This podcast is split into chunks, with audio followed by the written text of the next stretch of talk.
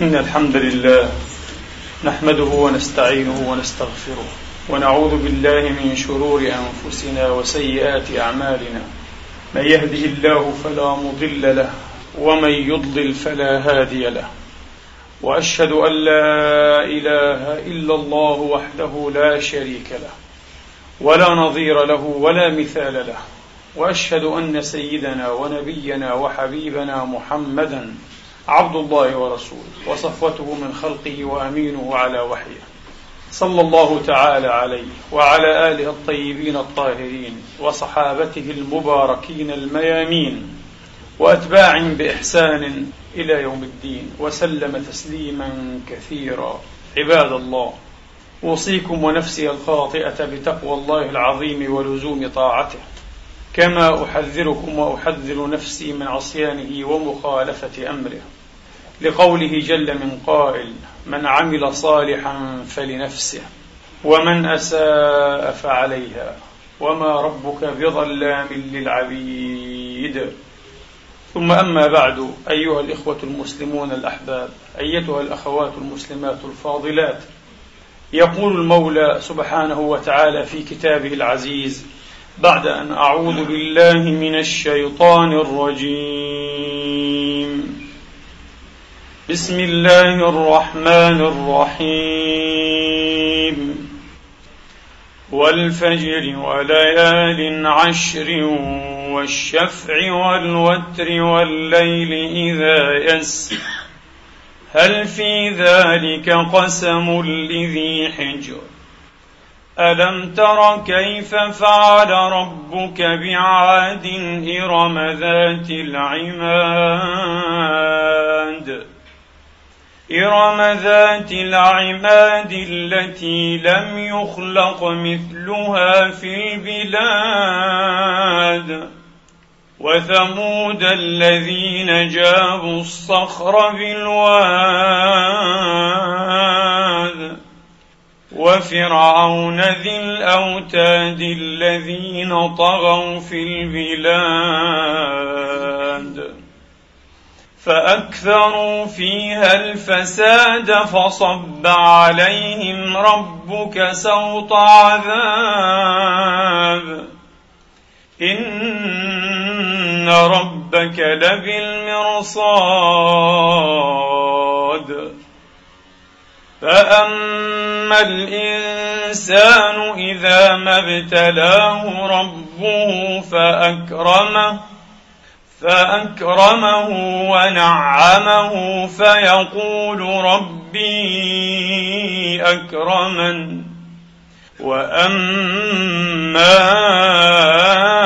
إذا ما ابتلاه فقدر عليه رزقه فيقول ربي أهانن. كلا بل لا تكرمون اليتيم ولا تحاضون على طعام المسكين وتأكلون التراث أكلا لما وتحبون المال حبا جما صدق الله العظيم. وبلغ رسوله الكريم. ونحن على ذلك من الشاهدين. اللهم اجعلنا من شهداء الحق القائمين بالقسط. آمين. اللهم أيها الإخوة الأفاضل أيتها الأخوات الفاضلات. قبل أيام يسيرة استمعت أنا ومجموعة من إخواني إلى رجل فاضل من ذوي الهيئات ومن ذوي الصلاح على ما يبدو والله حسيبه. يعقد مقارنة عجلة بين سلوك الناس في هذه البلاد بالذات. النمسا وهو يزورها بين الفينة والأخرى وبين سلوك الناس في بلادنا. وهو يرى بادئ الرأي على ما يظهر أيها الإخوة أن هؤلاء القوم يمتازون بالأمانة وبالصدق. أما الناس لدينا في بلادنا وعلى حد تعبيره كما يقال حتى في موسم الحج أيها الإخوة. وهم يطوفون بالبيت العتيق. وهم في زيارة أشرف خلق الله صلى الله عليه وآله وأصحابه وسلم. فإن منهم ليسوا جميعا بالطبع فإن منهم أيها الإخوة من يحتقب أسوأ وأغلظ وأبشع جرائم اللصوصية والسرقة وأشياء تشبه السطو على الناس بما يهدد أحيانا حياتهم رجال ونساء. وهذه حقيقة بلا شك ملحوظة. بعد أن استمعنا إلى هذه المقارنة العجلة بادرته مسرعا بالقول ولكن حري بنا وحقيق أن نسأل عن السبب. هل هؤلاء أمينون فطرة؟ أمينون بالطبيعة؟ ونحن اللصوص يعني اللصوص منا أعني ونحن اللصوص وسرار بالطبيعة وبالفطرة؟ هذا ظلم. طبعا هو لا يصدق على هذا. البتة أيها الإخوة البتة. ينبغي يعني أن نسأل عن السبب. الناس لدينا أيها الإخوة فضلا عن أنهم مقهورون مقموعون فهم أيضا مفقرون.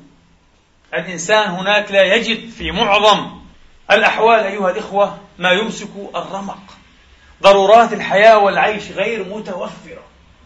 المستوى الذي يعيشه كثير وكثيرون جدا من الناس أيها الإخوة غير لائق في بعض الأحيان حتى بالبهائم والدواب هل ي... حتى الدواب والبهائم أيها الإخوة لها إسطبلات ومراحات ولها مسارح تسرح فيها ومراحات تروح إليها وإسطبلات تأوي إليها. لكن منا الملايين وليس مئات الألوف الملايين لا يجدون لهم لا مسارح ولا مراحات ولا حتى إسطبلات إنهم يبيتون هكذا. في الشوارع يلتحفون السماء ويفترشون الأرض ويعدم الواحد منهم عشاء ليلته وقوت يومه. في الوقت الذي تسيل فيه الدولارات واليوروات أيها الإخوة والعملات المحلية أنهارا.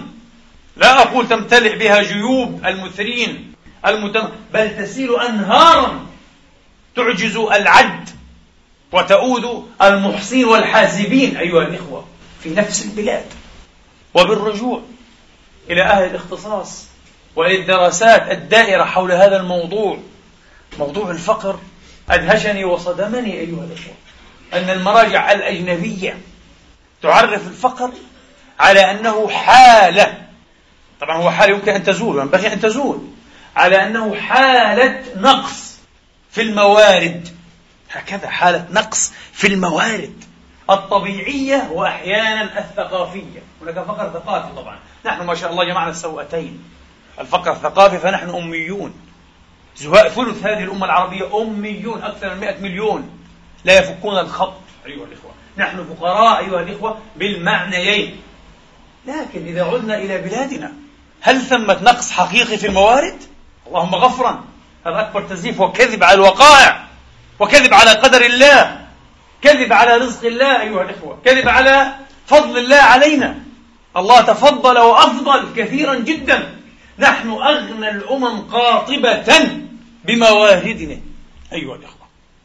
الأمة العربية خصوصا أو خاصة والأمم الإسلامية أغنى الأمم على الإطلاق بالموارد.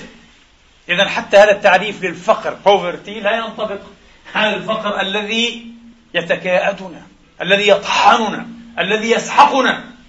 الذي يضطرنا أيها الإخوة أن نتجر في أغلى ما نملك في أبضاعنا في شرفنا. أقول لكم وكل استياء ومرارة وحسرة أيها الإخوة. ناقلا ناقلا لست منشئا ناقلا عن بعض الإخوة من أهل الصدق الذين يؤبون في هذه الأيام من زيارتهم.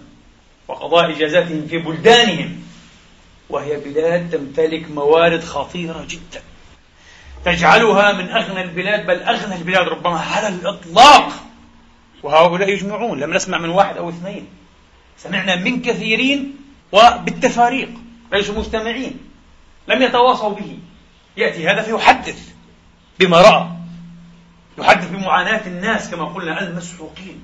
المقهورين والمفقرين. ينبغي أن نتخلى عن مصطلح فقراء بحسب المراجع العلمية الغربية. ليس هناك فقر عربي أيها الإخوة. تفقير. ليس لدينا نقص في الموارد. كيف نكون فقراء إذا ليس هذا الفقر. إنه التفقير أيها الإخوة. وعن هؤلاء المفقرين. المقهورين المفقرين. في بلد أيها الإخوة ماذا أحدثكم؟ ولي كبد مقروحة ماذا أحدثكم؟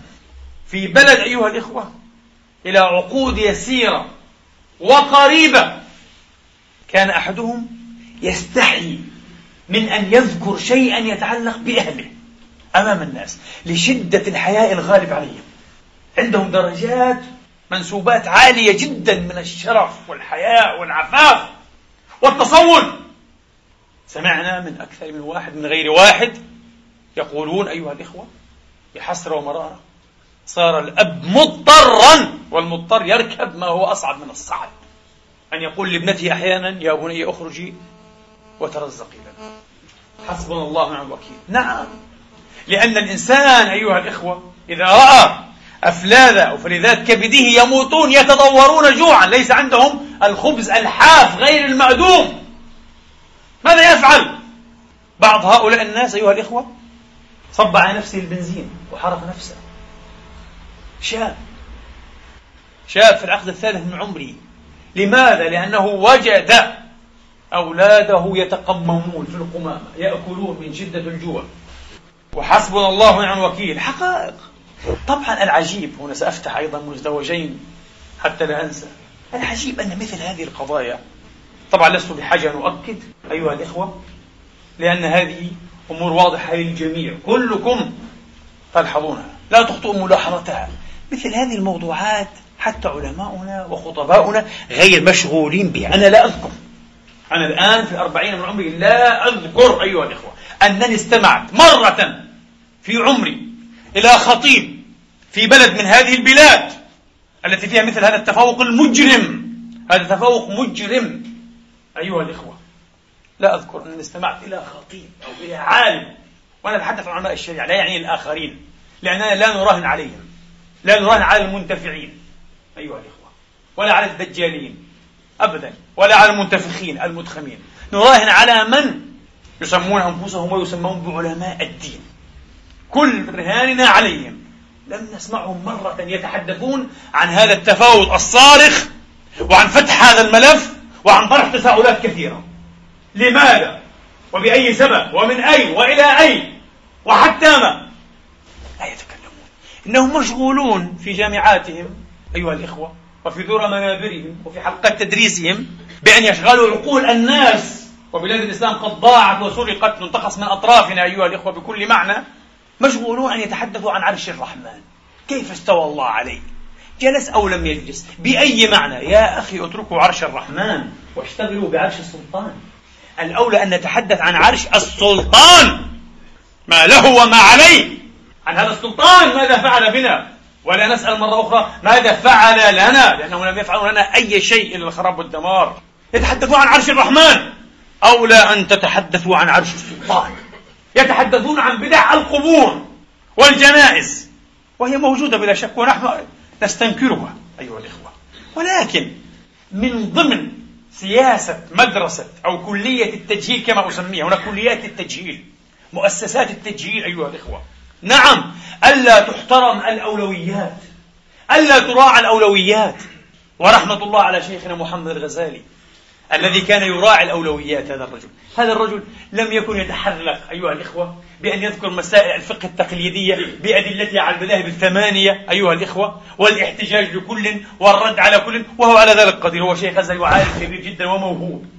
لكن ليست هذه أولوية. وهذا موجود في الكتب الصفراء موجود. كل أحد أيها الإخوة قرأ أربع خمس سنوات يستطيع أن يملأ الدنيا كتبا في هذه المسائل.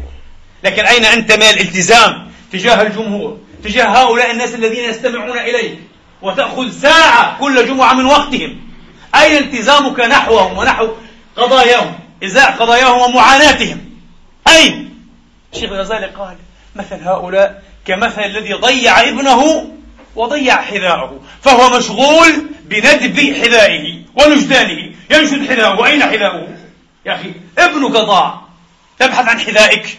هناك أولويات. هناك أولويات. هناك بدع قبور. كما قلت لهذا السيد المحترم والرجل الصالح الجليل. قلت له نعم. شغلونا ويشغلوننا لا يزالون ببدع القبور. لكن أين هم الحديث عن بدع القصور؟ يتحدثون عن شرك القبور. أين هم من شرك القصور؟ ذات مرة من المرات في جملة من إخواني جلس إلينا مهندس ممن امتحنوا وابتلوا. هذا بلاء. أن تتعامل مع هؤلاء الناس مع هذه الطبقة. فأشار علينا إلى أضواء تتلألأ وتلتمع بعيدة جدا. وهي ممتدة عدة كيلات يعني كيلومترات عدة كيلات. قال تدري ما هذا؟ لا أدري. ربما الطريق خط عن قال لا هذه قصور. قصور. القصر الواحد أحيانا يكون أكثر من كيلو. قلت عظيم طبعا لسنا بحاجة البقية نعرف لمن هذه القصور. ليست لأمثالنا ليست لمن لا يجدون ما يستر عورتهم أو يعصمهم من أن يتاجروا بأبضاع بناتهم. قال لي اسمع ما هو أدهى وأمر. قلت هات. ولسنا بحاجة إلى المزيد. لسنا بحاجة إلى المزيد. قال أنا هندست كثيرا جدا من هذه القصور مع جملة مهندسين. والآن يطلب إلينا أن نهدم كل هذه القصور وأن ننشئ أخرى. مليارات. قلت لما؟ قال لم ترق لهم. ولم يمر عليها أيها الإخوة أكثر من عشر سنين. طبعا أموال كثيرة جدا. وأنتم وأنا مشايخنا علماؤنا أكابرنا دراويشنا لم نتعود ولسنا نجرؤ على أن نسأل. على أن نسأل. هنا في السياق الغربي أيها الإخوة في السياق الغربي هناك تبريرات هنا فقر أيضا لكن ليس كفقر بلادنا الفقر فقران. فقر مطلق يسمى في لغة علم الاجتماع absolute poverty. وفقر نسبي relative poverty. الفقر المطلق هو أن يفتقر الإنسان وأن يكون معوزا إلى الضرورات إلى ما يأكل إلى ما يلبس إلى ما يسكن أيها الإخوة إلى ما يركب. ضرورات. هنا في الغرب الآن خاصة في الدول الصناعية أيها الإخوة والآن ما بعد الصناعية حتى ما يعد في بلادنا من الترافيه والكماليات عندهم من الضرورات. التلفزيون والفيديو والدي هذا ضرورات أصبحت السيارة الشخصية ضرورة تقريبا. لدينا لا. هذا اسمه الفقر المطلق موجود في بلادنا بكثرة. وهناك الفقر النسبي. قياس أيها الإخوة إعواز مجتمع إلى مجتمع آخر. أقل إعوازا فقر نسبي. قياس إعواز فقر فرد عفوا في مجتمع إلى ما يجده فرد آخر أكثر منه. فهذا فقر نسبي. الفقر المطلق والنسبي موجودان أيضا. في بلادنا لكن أكثره فقر مطلق حتى الضرورات غير ميسرة. الماء. الماء أيها الإخوة. أكثر شيء أتاحه الله تبارك وتعالى للناس بعد الهواء. تقول آه ماء البحار. ماء الأنهار ملوثة. من لوثها؟ ماء البحار لماذا لا تنقى؟ لماذا لا تصفى؟ لماذا لا تحلى؟ في بداية القرن العشرين مثلا. في مصر العربية أيها الإخوة. في مصر كانت هناك مئات الآلاف من الجنيهات الذهبية. يدفعها من؟ كبار المحسنين. حتى أغنياء المسلمين أيها الإخوة كانوا أغنياء شرفاء. لأن أكثرهم لم يكونوا من محدثي النعمة. لم يكونوا كأغنياء الرأسمالية المتوحشة الطفيلية كما يدعوها الماركسيون وحتى الرأسماليون. الرأسمالية الطفيلية. الذي يثري الرجل أيها الإخوة ضمنها وبحسب آلياتها بالاتجار المحرم التجارات غير المشروعة تهريب مخدرات أدوية فاسدة أطعمة فاسدة مشروبات فاسدة إلى آخره إلى آخره. كما يثرون أيضا هؤلاء يعني أكثر نزاهة بدرجة عن طريق المضاربات. أين الإنتاج؟ هذا ما يسمى بالبابل ايكونومي الاقتصاد الفقاعي. هذه فقاعة. ولا تلبث أن تنفجر فتغرق الأمة أيها الإخوة.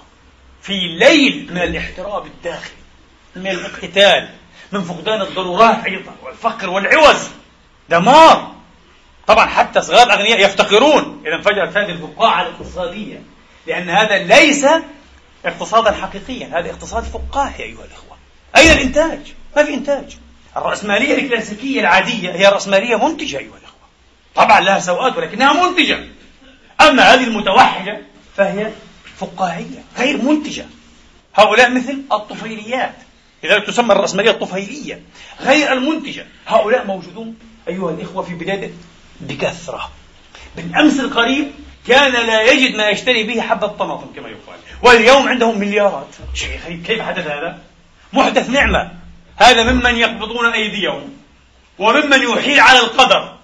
إمامهم الأكبر قارون. لأنه بيعتبر بالفهلوة والشطارة والحفظ أيها الإخوة أه؟ وحلاوة اللسان. قدر يكون هذه الثروة. لا يا حبيبي بالفساد. أنت كونت كل هذا بالفساد والمسؤول الأول قبلك. هو الرأس.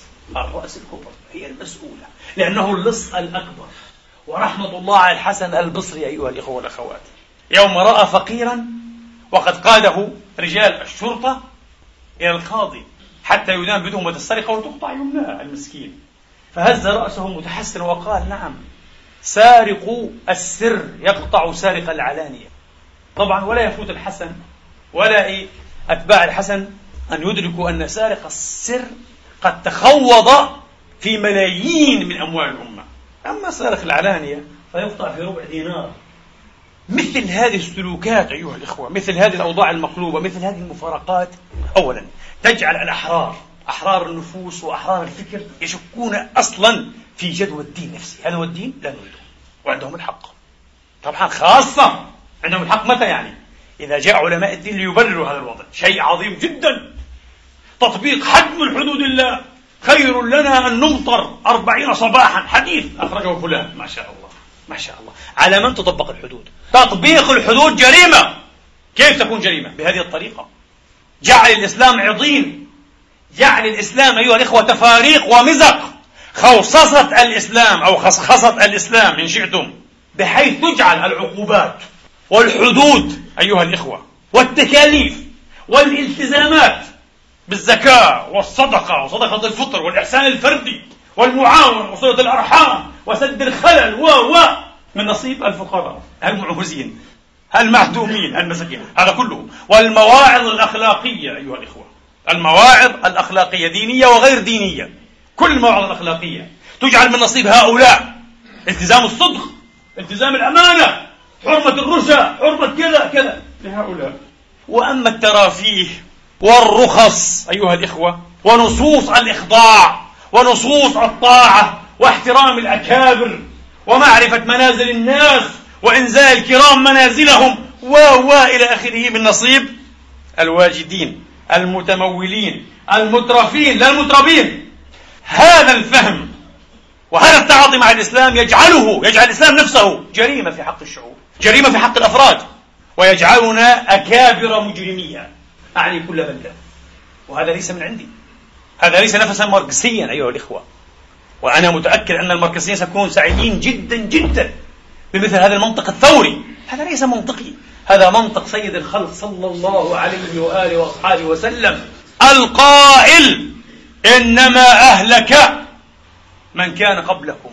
أنهم كانوا إذا سرق فيهم الشريف تركوه. وإذا سرق فيهم الضعيف قطعوا أو أقاموا عليه الحد. طيب هذا الحد حد إلهي. نعم! يطبق على الجميع بلا استثناء قبل أيام استمعت إلى مريض في مشفاه أيها الإخوة واستمع معي أخوة كرام. قال لي إن أحد هؤلاء البادنين المتخمين الذي يقضي حياته المترفة في بلد عربي آخر يوفر له أن يشطح ويمرح كما يقال وأن يفعل كل ما شاء دونما لائمة أو عتب. أحد حراس النزل الذي يقوم بعمله. ربما بضمير. رأى سلوكا مشينا معيبا من هذا السمين المدخم. أدخمته أموال البترول أيها الإخوة. طبعا من أهل البترول. فقال له يا سيدي يعني من بعد إذنك. طبعا بأسلوب مهذب وهو يخاف. وهذا مقيم من أكثر من من خمس سنوات في هذا الأوتيل طبعا. حاجزين نص الأوتيل 160 غرفة. يا سيدي قال له من فضلك يعني هناك زوار أجانب وزوار من دول أخرى. وربما يعني هذا يزعجهم أو يسيء إليهم. فنظر إليه هذا البادن الملعون لعنة الله تعالى عليه وأخرج مسدس أحد مسدس أحد حراسه وضربه في رأسه وفي قلبه فرده قتيل. مباشرة. وبعد ذلك تدخل أو تدخلت السلطة الرسمية في البلد المضيف ولملمت الموضوع والمرحوم كان غلطان هو الغلطان. لا تنتقد السادة والأكابر عيب. عيب. السادة والأكابر يفعلون ما يشاءون. لا حساب عليهم. لا حساب عليهم. أين نعيش؟ في أي مقردة في أي مسبع نعيش؟ الغريب جدا أيها الإخوة كما قلت لكم. ليس من المعتاد ولا من المأنوس أن تتناول هذه الموضوعات أو تفتح هذه الملفات. ونحن العرب منصوب على اختصاص طبعا. هذا شيء خاص يميزنا. ونحن العرب أمة نأخذ رقم واحد الدرجة الأولى. في ماذا؟ في التعمية على مشاكلنا في إخفاء أزماتنا في الكذب على النفس وعلى الآخر. أكبر أمة كذابة. يكون لدينا أكبر ظلم وأكبر قهر ونقول بالعكس إحنا مجتمع المساواة مجتمع العدل مجتمع الرحمة. أين المساواة؟ أين الرحمة؟ أين العدل؟ نعيش في مخرج أرض القرود نعيش في مسبع. ويقال لنا تعيشون في جنات ونعيم وزروع ونخل طلعها هضيم سلموا! وابصموا وإلا فالزنازين والكل يعرف هذه المعاهدة أيها الإخوة غير المكتوبة لكن المفعولة. والكل يلتزم بهذه القوانين المفعولة. أين علماء الدين؟ كما قلت الذين صدعوا رؤوسنا بالحديث عن البدعيات وشركيات القبور. أين هم من شركيات القصور؟ أين هم من ظلم هؤلاء الظالمين؟ ولا تركنوا. إلى الذين ظلموا فتمسكم النار. مجرد الركون إليهم متوعد عليه بجهنم والعياذ بالله. ومن الركون بل هو يتجاوز الركون بمراحل بعيدة أن نبرر لهم ما هم فيه. أن نبرر لهم ما هم فيه. كما قلت لكم هنا في الغرب أيها الإخوة يبررون النسب المعقولة إلى حد ما من الفقر. المعقولة. في بريطانيا 15% حسب إحصائيات أواخر التسعينيات. وبحسب أنطوني جيدنز المهم يقولون تبريرات غريبة عجيبة طبعا تبريرات مجرمة أحيانا تتلبس بلباس العلم. في القرون الخالية وبدءا من الملك شارلمان أيها الإخوة إلى العصر الحديث كانت هناك المؤسسات وفي رأسها في رأس القائمة الكنيسة التي تضفي الشرعية الاجتماعية ما يعرف بالشرعية الاجتماعية على الأوضاع القائمة. طبعا في مدرسة التسجيل يراد للناس أن يفهموا أنه ليس بالإمكان أبدع مما كان. وأن الحاصل الواقع هو أحسن ما يمكن أن يتصور. فإن قنعوا أو اقتنعوا بها ونعمت. وإلا أيها الإخوة لا بد أن ننتقل خطوة أخرى في الثيولوجيا ثيولوجيا إطفاء الشرعية. فيقال للناس هذا قدر هذا أمر محتوم لا فكاك منه. وبالتالي لا جدوى من التبرم فضلا عن الثوران فضلا عن الحركة لا جدوى. لأنه قدر ومحتوم. هذه الكنيسة. حتى مارتن لوثر كبير المحتجين بروتستانت محتج يعني كبير المحتجين رأسهم في وقته أيها الإخوة والإصلاحيين ال Reformer. ومع ذلك للأسف في موعظته عن الزواج الشهيرة جدا لمن قرأ تراثه الثيولوجي وقف يقول للناس إن العدالة إنما تنشد وتقصد لأجل السلم. أي لأجل حالة الاستقرار كما يقال. نحن الآن نقدس أكبر بقرة مقدسة عند نظم الحكم العربية ومن يدور في مدارهم الاستقرار لابد من الاستقرار حتى لو كان استقرار القبور. حتى السؤال محرم. مش الاعتراض السؤال أن تسأل سؤالا علميا بحثيا بريئا محرم. وستجزى عليه شر الجزاء. فالاستقرار مهم السلم الاجتماعي يا أخي. تحكم على الناس مصطلحات. أكثر الناس لا يفهمونها للأسف الشديد. السلم الاجتماعي لوثر قال هذا. طبعا لوثر كان لوثر النبي هي الإصلاح. وعنده بوائقه عنده لطخات سوداء في ثوبه. هذه من لطخات السود. قال العدالة تنشد وتقصد لأجل السلم. وليس السلم ينشد لأجل العدالة. فإذا في سلم كويس. مش مهم العدالة معناها شيء خطير جدا. طيب لكن هذا في العصور الوسيطة. وما تلت. في العصر الحديث تأخرت الكنيسة ورجالها وتقدم العلم وخاصة العلوم الحيوية البيولوجي قال لك آه. قال لك هذه حتمية بيولوجية حتمية حيوية. هناك أذكياء وهناك أغبياء يا أخي. هناك ذو مهارات وقدر وإمكانات ولياقات عقلية ونفسية وهناك العارون العاطلون من هذه اللياقات والقدر والمهارات. لماذا تحتجون؟ إذا وقعنا في نفس المنطق الفتالي. منطق القدر المنطق القدر الحكمي هو هيك جبرية جبرية. الله يريد هذا. الله يريد هذا. طبعا عجيب جدا. العلم في القرن الحادي والعشرين. نتحدث عن دراسات في القرن الحادي والعشرين. العلم في القرن الحادي والعشرين لم يتقدم حتى في هذا الباب بالذات. في هذا الباب باب القيم والمعايير والأخلاقيات أيها الإخوة الحاكمة في علاقات المجتمع وتمتين نسيجه أو تهتيكه لم يتقدم حتى ربع خطوة بالعكس هو متأخر عن منطق الكفار المردة في مكة. وإذا قيل لهم أنفقوا مما رزقكم الله. قال الذين كفروا للذين آمنوا أنطعم من لو يشاء الله أطعمه إن أنتم يا محمد وأصحابه إلا في ضلال مبين. مسألة قدرية. ما الله هو الرزاق ووزع الأرزاق. هذا أصاب مليارا وهذا أصاب مليما. حتى هذا عالي إيه من أن يصيب فشل أن يصيب مليما واحد. الله يريد هذا. حتمية. طيب هذا منطق الكفار. القرآن أشار إلى ذلك. وكما قلت إمامهم قارون. لكن علماء الحتمية البيولوجية في القرن الحادي والعشرين يتبنوا ويفرغون عن نفس المنطق ويصدرون عن نفس التفكير. وهذا شيء عجيب جدا. طبعا هذا ليس موضوع خطبة اليوم هذا يحتاج إلى محاضرة بحيالها. يقول هذه حتمية. في العصور القديمة البائلة السيئة يقولون كان الأرستقراطي ينطلق من نقطة النهاية وكان على المسحوق أن ينطلق من نقطة البداية والنتيجة معروفة بداهة دائما يكسب من؟ الأرستقراط قالوا اليوم بالعكس في مجتمع المساواة مجتمع العدل والرحمة مجتمع تكافؤ الفرص مجتمع الرأسمالية الرحيمة بالعكس الآن الفرصة متاحة للجميع أن يبدأوا من نفس خط البداية وبعد ذلك الذي يصل ويفوز على فكرة بعض العلماء المسلمين الكبار ومنهم فضيلة الشيخ محمد الغزالي دون أن يعرف أن هذا اسمه الحتمية البيولوجية لم يقرأ هذا الشيء ولكن للأسف ذكر هذا الشيء وهو معجب به وهذا خطأ كبير لم يتعمق هذه النظرية. قال نفس خط البداية وبعد ذلك سيصل أناس ويتأخر أناس. قالوا إذا المسألة هنا التفاوت والتباين ليس مهيكلا formal يعني ليس non formal ليس مهيكلا ليس ممأسسا ليس بنيويا. إذا ما هو؟ التباين هنا والتفاوت فطري بحسب الفروق الفطرية. رجليك بعضوك. أنت ما قدرتش. إيش نعمل لك؟ هذا المنطق. وهذا قد يقنع بعض الناس كما أقنع الشيخ محمد الغزالي رحمة الله عليه رحمة واسعة. غير صحيح. أيها الأخوة هذا غير صحيح بالمرة لماذا؟ سأذكر حجتين فقط. وسأعلق على هذه التبريرات السخيفة الغربية هنا. والعجيب والطريف جدا أن هذه التبريرات لا تجد لها سوقا في بلادي في بلادكم بلاد العرب. لماذا؟ لغز. تعرفون لماذا؟ ولم يذكره أحد. لم نسمع صحفيا بل يتكلم بمنطق الحتمية البيولوجية أو عالم دين أو كذا. لماذا؟ لأنه لا يطلب هناك تبريرات. السؤال أصلا محظور. هو هكذا. وضع هكذا اسكت ممنوع. لذلك لا سؤال ولا مسؤول. فلا تقدم تبريرات. يوم نتقدم خطوة بعد مئة سنة ربما آه ستبدأ الأسئلة تنطرح وسنجد من يتذرع ويتسلح بمنطق الحتمية البيولوجية. ليقال أن هكذا هو. قدرات الناس. هذا عدل يا إخوان والغرب سبق إلى ذلك. كلام فارغ.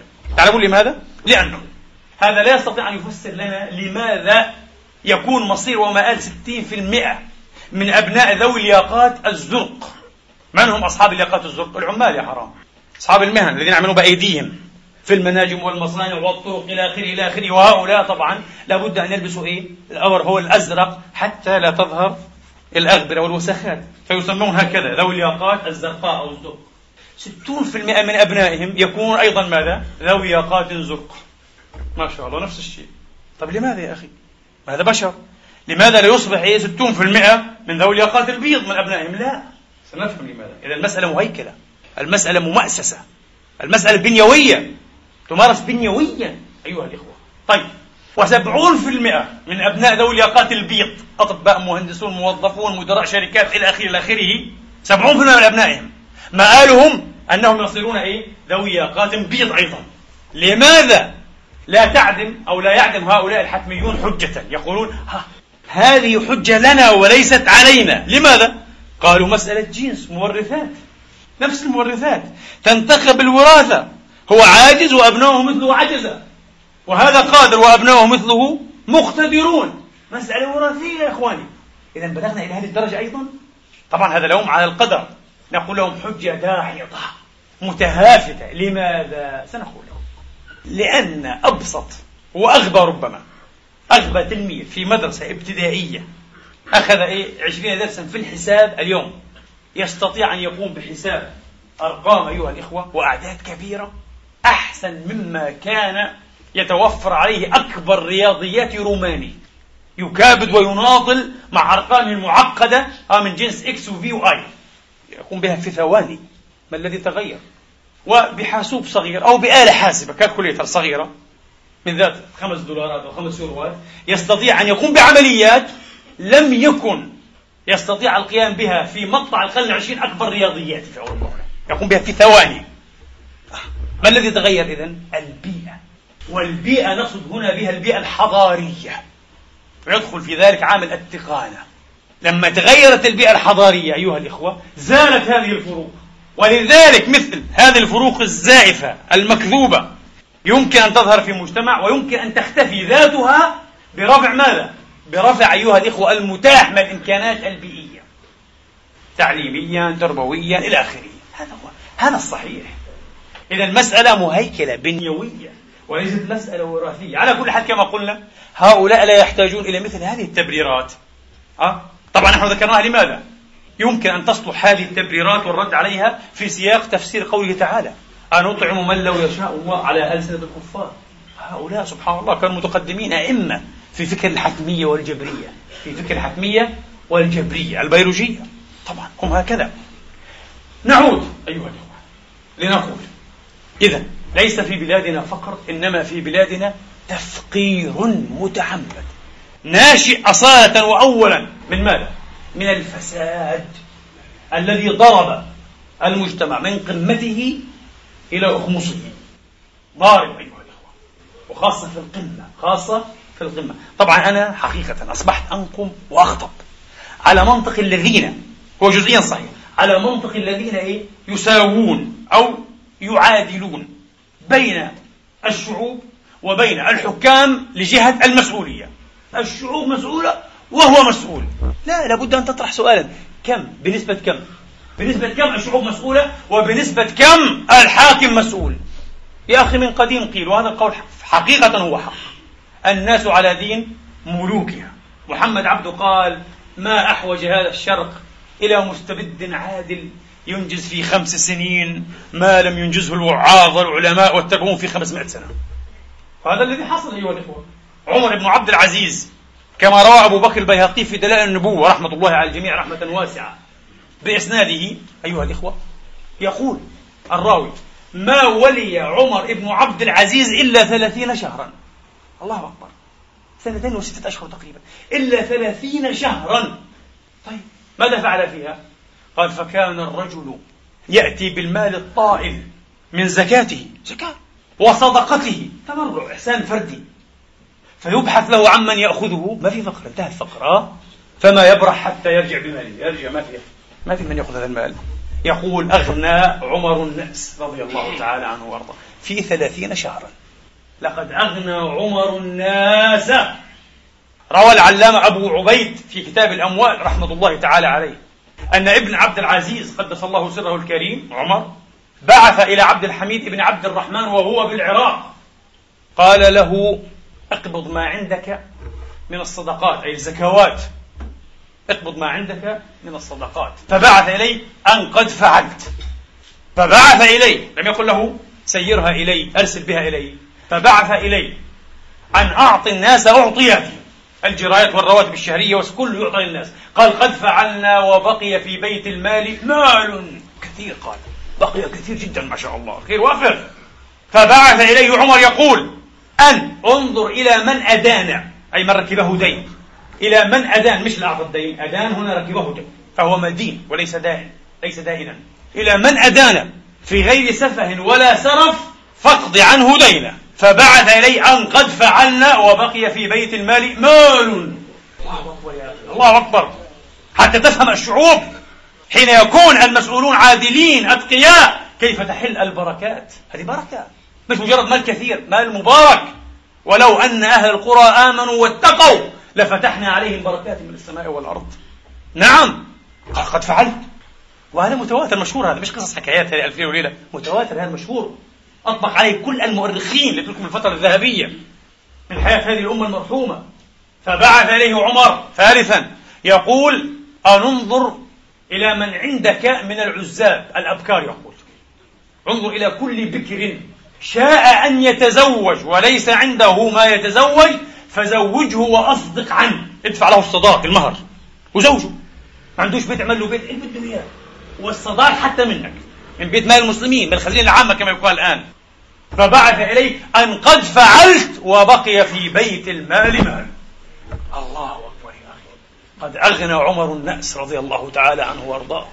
ابن كثير رحمة الله عليه بحس التاريخ مدرس كبير. وجماعة وحافظ.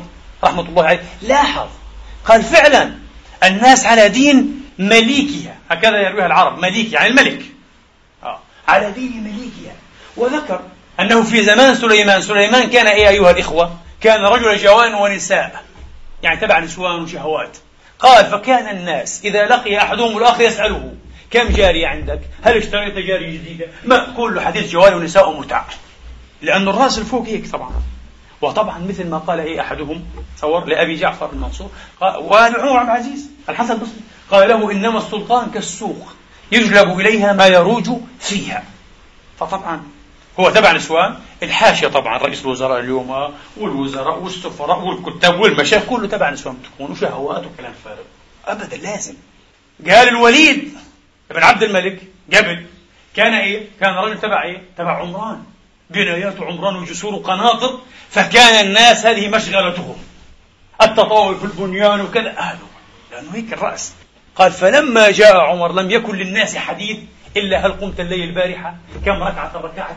هل تصوم اليوم اليوم نصف نصف شعبان؟ اسال الله أن تكونوا جميعا صائمين. آه هل تصوم اليوم نصف شعبان يا أخي؟ هذا حديث الناس. ليه؟ لأنه هذا عمر ابن عبد العزيز. فما تقوليش هم مسؤولون تضحك علي كمان. مدرسة تجهيل هذه مدرسة تجهيل نفسها. هم مسؤولون؟ ولا. نعم يا أخي. النسبة. كم أنا مسؤول غلبان؟ أه كم؟ واحد زي حالاتنا. تنشق عقيرته من الصياح والصراخ وهو يعظ يعظ ويكتب أه. كم يتحصل؟ على على كم من النجاح؟ بسيط جدا. لكن يأتي هذا الحاكم سوى سبحان الله فيجري الله على يديه. ولذلك العلماء مثل الإمام أبي المعالي الجويني شيخ الإمام حجة الإسلام أبي حامد الغزالي في كتابه العظيم جدا والفريد والفذ الغياثي غياث الأمم في التياس الظلم كتاب في السياسة الشرعية لم ينسج على منواله رحمة الله عليه. هذا الرجل قال الإمام العادل بقاؤه أيها الإخوة وعمله بالعدل وبشرع الله خير له من أن يقضي عمره كله قائما راكعا ساجدا. يوم واحد فقط ساعة واحدة أن يكون حاكما عادلا خير له من قضاء الدهر كله في عبادة. لأنه خير خير ورحمة كثيرة على الأمة يا إخوان. وتثبيت تثبيت القيم والمعايير وتمكين للدين وتمتين. وهكذا. فهذا ما فعله. أعجب من ذلك أيها الإخوة. ما رواه أبو عبيد نفسه أيضا أن معاذ بن جبل رضوان الله تعالى عليه قد بعثه الرسول على الجند إلى اليمن صلى الله عليه وآله وأصحابه وسلم تسليما كثيرا. بعثه إلى اليمن فلم يزل هناك. حتى توفي الرسول صلى الله عليه وسلم. وقضى أبو بكر رضوان الله تعالى عليه. فلما جاءت النوبة إلى عمر أقبل معاذ. فقال له عمر عد إلى حيث كنت وعلى العمل الذي كنت عليه. ثبته في عمله. ابقى هناك في اليمن. فعاد. فعما إيه؟ قليل أو بعد قليل أرسل إليه بثلث الصدقات ثلث الزكاة. فغضب عمر. عمر لم يفرح بهذا. يقول لك استعمار. الدولة الإسلامية استعمارية. فتوحات استعمار. سوف نرى الاستعمار وين هي الاستعمار. هنشوف أطراف ومركز يقول لك آه المركز والأطراف. وين الاستعمار وين المركز والأطراف فاغتاظ عمر وبعث إليه يا معاذ ابن جبل أما إني لم أبعثك جابيا ولا آخذ جزية.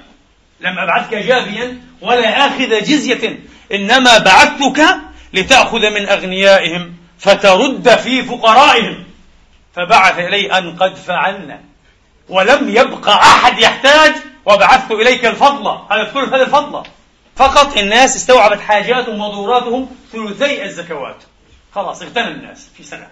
وبقي إيه؟ بقي الثلث. فلما كان العام التالي أرسل إليه بشطر الصدقات. ارتفعت 50% الآن. فراجعه بمثل ما رجعه في الأولى. فرد عليه معاذ بمثل ما رد عليه في الأولى. قال له أعطينا كل ولم يبقى أحد يفتقر وإنما هذه الفضلة. فلما كان العام الثالث بعث إليه بالزكاة كلها. راجعه عمر فرد عليه معاذ قال ليس عندنا من فقير ولا واحد. شوف الشرف شوف الأمة العظيمة على فكرة في ملحظ في هذه القصة. الملحظ أنه لم يأتي أحد ليضخم آه وتظاهر بالفقر. الشيخ علي الطنطاوي رحمة الله عليه يحكي قصة بطريقته اللطيفة. رحمة الله عليه رحمه واسعة. كان من الصالحين. طلب إليه أن يعطي فتوى بجواز الاستعانة بالأمريكان. قال لا. قالوا بنفعل بنساوي؟ قال زنازين الأسد في سوريا. لأنه كان ممنوع يرجع أيامها. ولا سخط الله. قدس الله سره الكريم. شيخ علي الطنطاوي الأديب المزوح الطيب. هذا الدين. هذا الدين. مش لحية طويلة ما كان عنده لحية. أصغر من لحيتي لحية الشيخ الطنطاوي. مش لحية طويلة. وآه مقاومة المحتلين حرام. إلقاء باليد إلى التهلكة. الاستعانة بالصهاينة حلال. ذبح الصالحين ممتاز. بركات. وتقول لي دين. دين إيش؟ تبا لكم وللعلم الذي تتعلمونه بئس هذا العلم الذي تتعلمونه شيخ الطنطاوي رحمة الله عليه قال كنت مرة جالسا في تاكسي سيارة أجرة. فركب إلى جانب رجل يبدو عليه الفقر والعوز والعدم رث الثياب مهزول ضعيف. قال فأشرت إلى السائق أنني سأدفع فغمزني بيده. يقال غمزه ولكزه وهمزه بيده أيضا. وبلسانه وبعينه كله. قال فغمزني بيده. أن سأشرح لك فيما بعد. لا لا تدفع. قال فالتزم. فلما نزل هذا قال لي السائق كم عندك يا أستاذ؟ ويعرفه ربما رأى في الرأي. كم عندك يا أستاذ؟ كم مليونا تملك؟ قال يا حبيبي أنا متبع ملايين. قال له أنا شايف تبع ملايين يا حبيبي. أنا تبع ملايين؟ ما عندي إلا ملايين. ما عندي إلا ما يكفيني فقط وأهلي بالمعروف. قال فإن هذا الرجل الذي أردت أن تدفع عنه يمتلك عشرات الملايين وعشراتها. الله أكبر. قلت فما الذي صيره إلى هذا المصير؟ قال الشحاذة يشحذ يمتهن الشحذة يريد يزيد. رحمة الله على من قال يعيشون فقراء ويموتون أغنياء. هذا هو منهم. يعيش فقيرا. ويوم يموت يموت فقيرا أو غنيا. يموت غنيا يقال مات وترك سبعين مليونا. مات غنيا وعاش فقيرا؟ ماذا استفاد من ماله؟ لا! هذا لم يكن في الأمة العمرية ولا في شعب معاذ. ليس في يمن معاذ ليس في يمن معاذ. يا جماعة مين بده زكاة؟ مع الناس لا لا نريد عندنا. لا يمد يده لأن عنده الكفاية. لو اليوم بمثل هذه الأخلاق السائدة لكن لا تعتب على الشعوب الكل يعتب على الشعوب. الرشوة منتشرة الشحاذة مضطرون يا إخوان صدقوني. بعض الناس يقول لك ما هؤلاء البشر؟ ما الذي جرى للناس؟ لم يجري لهم شيء. صدقوني هم أناس طبيعيون ربما أكثر طبيعية منا نحن سكان أوروبا. نحن كثير منا غير طبيعيين معقدون. نحن هنا الله يعني يحسن ختامنا. والله العظيم عندنا حالات ونقائص وعقد غريبة عجيبة جدا. ما نقولش نتفلسف على أهلنا هم أحسن منا. هم طبيعيون صدقوني مثلنا أو أكثر منا ولكن هم أناس طبيعيون في ظروف غير طبيعية بالمرة صح؟ نحن غير طبيعيين ربما 50% وفي ظروف أكثر من طبيعية فالحمد لله. نحن ونسأل الله مزيد الإفضاء والإنعام. لكن هم طبيعيون أيها الإخوة لكن في ظروف غير طبيعية ظروف فعلا غير طبيعية تلجئ الإنسان أن يبيع كليته أن يبيع رئة الله أن يبيع أعضاء من أعضائه. حتى يزق فراخه حتى يزق صغاره. حتى لا يهلك أيها الإخوة. ظروف غير طبيعية. ظروف مخيفة. فهذا في الزمان العمري. الأول والزمان العمري الثاني. يوم كان يحكم حقا بشرع الله. عمر الذي أتاه سراقة أيها الإخوة بسواري كسرى. مش تفكروها سوارة سوارة. شيء يعجز الرجل الأيد عن حمله إلا بمعونة. كلها مجوهرات عاد ولا آل وأشياء. تسوى مليارات اليوم. بعملة اليوم. مليارات. آه. فعجب عمر واختبط أشد الاختباط. قال إن قوما أدوا هذا لأمنا. الله أكبر يا أخي. الله أكبر. جندي يجد هذا ويؤديه. طبعا كان يحطه في كيسه وخلص ويخفيه وبعدين يرجع له. عادي لكن أبدا سوارات يسرى مليارات قدمها طواعية ورضا وخشية للرب لأنه بالغيب. خشية لله بالغيب. فعمر قال إن قوما أدوا هذا لأمناء فقاله علي عليه السلام ورضوان الله عليهما وعنهما قال يا أمير المؤمنين كنت أمينا كنت أمينا ولو رتعت لرتعوا. أنت رجل أمين فأكرمك الله بأمم الأمناء. ولو كنت متخوضا مغتالا للمال العام لاغتالوه وتخوضوا فيه على كل وجه. قال ولو رتعت يا أمين لرتعوا. فعلا الناس على دين ملوكهم. أيها الإخوة غير جدير وغير جميل بالعلماء والمصلحين ومن يعرف بأهل الذكر والنهى أيها غير جميل ولا جدير بهؤلاء أن يحدثوا الناس صدقوني حتى حديثا مبدئيا عن الإحسان الفردي وعن الصدقات مطلوب مطلوب الحديث عن الإحسان الفردي وعن الصدقات وصلة الأرحام وسد الخل إلى آخره ولكن مطلوب أكثر من ذلك ترتيب الأولويات. لابد أن يطرح بدرجة أولى في المقام الأول. حديث الفساد. أين تذهب أموالنا؟ لمن تعطى مواردنا وثرواتنا؟ لمن تخصص؟ أيها الإخوة. ولماذا؟ وكيف؟ أتحدى أن مسؤولا عربيا أيها الإخوة فعلا يخضع للجنة دولية اللجنة المحلية مش هينفع. كله كذب في كذب لفلفة. للجنة دولية إذا كان في منها من هذه اللجنة ما فيش منها طبعا. آه. لجنة دولية هكذا. بده شيء يبتدع هذا يخضع لجنة دولية تضطره أن يقدم حساب كشف ذمة كما يقال. مستحيل أتحدى. قدم لي حسابا بكشف الذمة. لا تلقني مواعظ ودروسا من التلفزيون والجريدة الرسمية. لا. قدم لي أنت وأنت وأنت وأنت كل المسؤولين. حتى نعرف أين ذهبت مئات المليارات. تقرؤون في الدراسات أيها الإخوة عن مئات المليارات المسروقة مش عشرات مئات المليارات. ثم بعد ذلك يقال لنا نحن مضطرون ركبتنا ديون وعندنا فوائد مركبة وإعادة جدولة الديون ها؟ وعندنا مشاكل. لذلك نخضع لإسرائيل ولا بد أن نخضع لأمريكا عشان تعطينا هالمليارين كل سنة. الله أكبر يا أخي. مليارين إيش إحنا أمة شحاذة إيش بدنا في المليارات؟ نحن أغنى الأمم. حتى بنبيع فلسطين أيها الإخوة بشوية قمح وشعير ب 2 مليار كل سنة. إيش ومئات المليارات تسرق ولا يتحدث عنها. ممنوع أن يتحدث عنها أحد. تفقير حقيقي لهذه الشعوب المسكينة.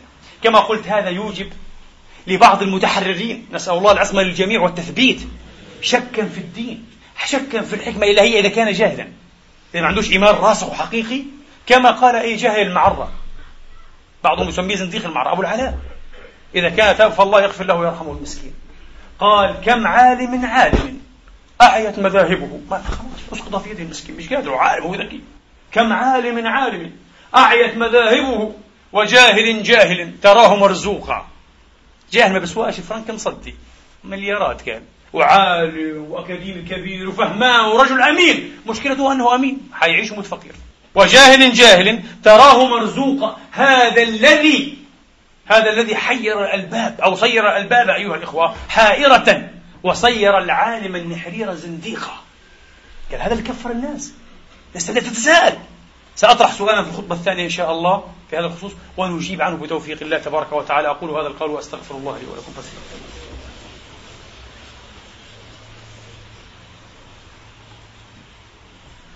الحمد لله. الحمد لله الذي يقبل التوبة عن عباده ويعفو عن السيئات ويعلم ما تفعلون. ويستجيب الذين آمنوا وعملوا الصالحات ويزيدهم من فضله. والكافرون لهم عذاب شديد. وأشهد أن لا إله إلا الله وحده لا شريك له. وأشهد أن محمدا عبده ورسوله. صلى الله تعالى عليه وعلى آله وأصحابه وأتباعه وسلم تسليما كثيرا. أيها الإخوة بعض الناس أيضا من أساتذة وفناني مدرسة التجهيل يحب أن يشيع في الناس ثقافة الفخر. ثقافة إعلاء وتوقير وتقديس الفقر. ويقول بالعكس مرحبا بشعار الصالحين. في الحقيقة هذه الروح القرآن منها بارئ يعني بريء بارئ. القرآن يسمي المال طبعا المال الصالح الطيب يسميه خيرا. إن ترك خيرا الوصية الوالدين والأقرب يعني إن ترك مالا. وإنه الحب الخير لشديد. المال ليس شرا. المال ليس المال خير. والرب الجليل يمتن على مصطفاه ونجيه ونجيبه من عباده بقوله ووجدك عائلا. فأغنى يمتن عليه قال هذه نعمة. أنني أغنيتك. لم أدعك فقيرا متربا. منا هذه؟ الله لا يمتن بالسوء ها؟ لا يمتن إيه بالشيء؟ الشر بالعكس يمتن بالخير. والله عز وجل جعل من عاجل مثوبة عباده المؤمنين الآيبين إليه بالتوبة والاستغفار. الإغناء أيها الإخوة. الإغناء والإملاء. قال تبارك وتعالى فقلت استغفروا ربكم إنه كان غفارا. يرسل السماء عليكم مدرارا ويمددكم قبل البنين بأموال وبنين ويجعل لكم جنات ويجعل لكم أنهارا. هذه حياة الأوروبيين التي أعلم أنكم جميعا وأنا والله أولكم. وكل العلماء الذين يأتون هذه البلاد والله أعلم أنكم جميعا تحسدون أهلها عليها ولكم تتمنون أن تعيشوا في بلادكم ومساقط رؤوسكم في مثل هذا المستوى من الرفاه والعيش الكريم أيها الأخوة والحاجات الموفورة والله نتمنى ذلك. نتمنى لأنفسنا ولأهلينا. هؤلاء أعطاهم الله لأنهم اشتغلوا. وهذا هو السؤال. السؤال يقولون يا أخي أنت تحدثت عن تبريات وعن حتمية وعن وعن أليس الله هو القائل في عشرات الآيات بأنه هو الرزاق ذو القوة المتين وبأنه ما من دابة إلا على الله رزقها تبارك وتعالى؟ خلاص الله هو الرزاق. إذا فعلا ما أصاب الناس إلا ما قدر لهم من أرزاق فأنا يذهب بك. هذا غير صحيح يا أخوان للأسف. أيضا هذا من ثقافة التجهيل ومن ثقافة الفقر. هذا من ثقافة الفقر التي يراد بها استدامة الأوضاع المزرية أوضاع التفقير أيها الإخوة. تجهيل مع تفقير الآن. لماذا؟ اسمعوا بالله عليكم. قوله عليه الصلاة والسلام في الحديث الصحيح. لو أنكم توكلون على الله حق توكله لرزقكم كما يرزق الطير. تغدو في الغدوة في الصباح تغدو خماصا وتعود أو قال تروح بطانا. صحيح؟ طيب هذا طير. ليس عنده تكنولوجيا ولا عقل ولا حساب ولا اقتصاد ولا مناهج ولا مؤسسات وحتى يرزق. لابد له من ماذا؟ من حركة. ما قالش آه هو طير في عشه يرزق. لا. لابد أن يغدو لابد أن يتحرك يبحث عن رزقه. ليناله. هذه المسألة. الآن مفقرو العرب والمسلمين يبحثون عن أرزاقهم أو لا يبحثون بأظفارهم. والله في الخمامة. يبحثون المساكين بأظفارهم. لكن أين العمل؟ ما في عمل لأنه في اقتصاد البابل ها؟ في اقتصاد فقاعة. مضاربات ومحرمات كلها. ما في مؤسسات صح؟ ما في إيه؟ فرص عمل أصلا. يريد العمل هو. مستعد أن يعمل عشرين ساعة من 24 ساعة. ما في عمل. عمل ما فيه وبالتالي مال ما فيه هذا ألوم عليه إذا أنا سأفهم الآية حق الفهم؟ فأقول آه رزقه على الله كما رزق هذا الطائر على الله ولكن هناك من اغتال هذه الأرزاق. أليس هناك لصوص؟ المشكلة في اللصوص. هناك من سرق هذه الأرزاق. هؤلاء لابد أن يحاسبوا في الدنيا قبل الآخرة. في الدنيا لابد أن يفتح كل عالم وكل مفكر وكل رجل حر وأبي أن يفتح لهم ملفا. لابد أن نبدأ ونعيد باستمرار في الحديث عن هذه المسائل أيها الإخوة حتى ننقذ أنفسنا من هذا الهول والذل الذي ران علينا. إذا هؤلاء اغتالوا أرزاقنا سرقوا أرزاقنا. أرزاق الله المساقة إلينا. قال تبارك وتعالى ولقد كرمنا بني آدم وحملناهم في البر والبحر ورزقناهم من الطيبات. بالله عليكم. والآن ستحسبون فعلا الآية واضحة جدا لكن نحن الذين جهلنا إلى هذه الدرجة بلغ بنا التجهيل. نعم. الآن حملناهم في البر والبحر. والآن والجو طبعا. لو قيل أيام تنزيل القرآن والجو لكفر الناس. وين في الجو؟ محمد قعدنا. خلاص. لذلك أشار إلى الحمل في الجو في آية أخرى. ماذا قال؟ قال والخيل والبغال والحمير لتركبوها وزينة ويخلق ما لا تعلمون. دخلت الكونكورد والنفاثة والبوينج والإيرباص وسفينة الفضاء كلها إيش فيه ويخلق ما لا تعلمون. إشارة موحية. ما يقولش في الجو عاد هناك. المهم طيب الحمل في البر والبحر أيها الإخوة يكون بماذا؟ على الماء هكذا تجلس؟ أو هناك تقانات ومهارات وهناك توسلات بشرية صناعات بشرية أنت الذي صنعت أنت الذي تسببت أنت الذي استغللت القدرة والإنكاس والموارد هذا هو الفعل الحضاري هذا فعل الحضارة وحملت أيضا بفضل الله لأنه كل من عند الله إذا لما لا تفهمون نفس الشيء. الرزق قضية الرزق ورزقناهم من الطيبات. إلا على الله رزقها. بنفس الطريقة السببية. بنفس المنهج السنني السببي. الله يرزقك لكن بماذا؟ بالأسباب. الله قدر في هذه الأرض يوم خلقها. قدر فيها ماذا؟ أقواتها كل الطاقات كل الخيرات والأرزاق مذخورة مكظومة في هذه الأرض بطنا وظهرا وجوا. موجودة كلها ومقدرة. يوم خلقت هذه الأرض كما في سورة فصلت. الآن مطلوب منك إيه؟ الاستعانة بالعقل بالعلم بالبحث بالقدر لاستخراج هذه الكظائم لاستخراج هذه الودائع للكشف عن هذه الأسرار. مطلوب منك. لكن حين تغل يدك حين تكبل حين لا تعطى الفرصة فالخطأ خطأ القدر؟ أم خطأك؟ أم خطأ هذا المجرم اللص القهار؟ لا. خطأ هذا القاهر اللص. نسأل الله أن يفتح علينا بالحق وهو خير الفاتحين. اللهم علمنا ما ينفعنا وانفعنا بما علمتنا وزدنا علما. اللهم اجعلنا مفاتيح الخير مغاليق للشر. أصلحنا وأصلح بنا. اللهم إنا نسألك في هذا المقام الكريم في هذه الساعة المباركة في هذا اليوم الكريم من كل خير أعلى درجاته وأقصى ما يتمنى المتمنون. اللهم افتح علينا بالحق وأنت خير الفاتحين. زدنا ولا تنقصنا وأعطنا ولا تحرمنا وأكرمنا ولا تهنا وانصرنا ولا تنصر علينا وخذل عنا ولا تخذلنا وارض عنا وأرضنا يا رب العالمين. اللهم بلغنا مما يرضيك آمالنا واختم بالباقيات الصالحات أعمالنا وبالسعادة آجانا وتوفنا وأنت راض عنا. عباد الله إن الله يأمر بالعدل والإحسان وإيتاء ذي القربى وينهى عن الفحشاء والمنكر والبغي يعظكم لعلكم تذكرون. فستذكرون ما أقول لكم وأفوض أمري إلى الله. إن الله بصير بالعباد. قوموا إلى صلاتكم يرحمني ويرحمكم الله.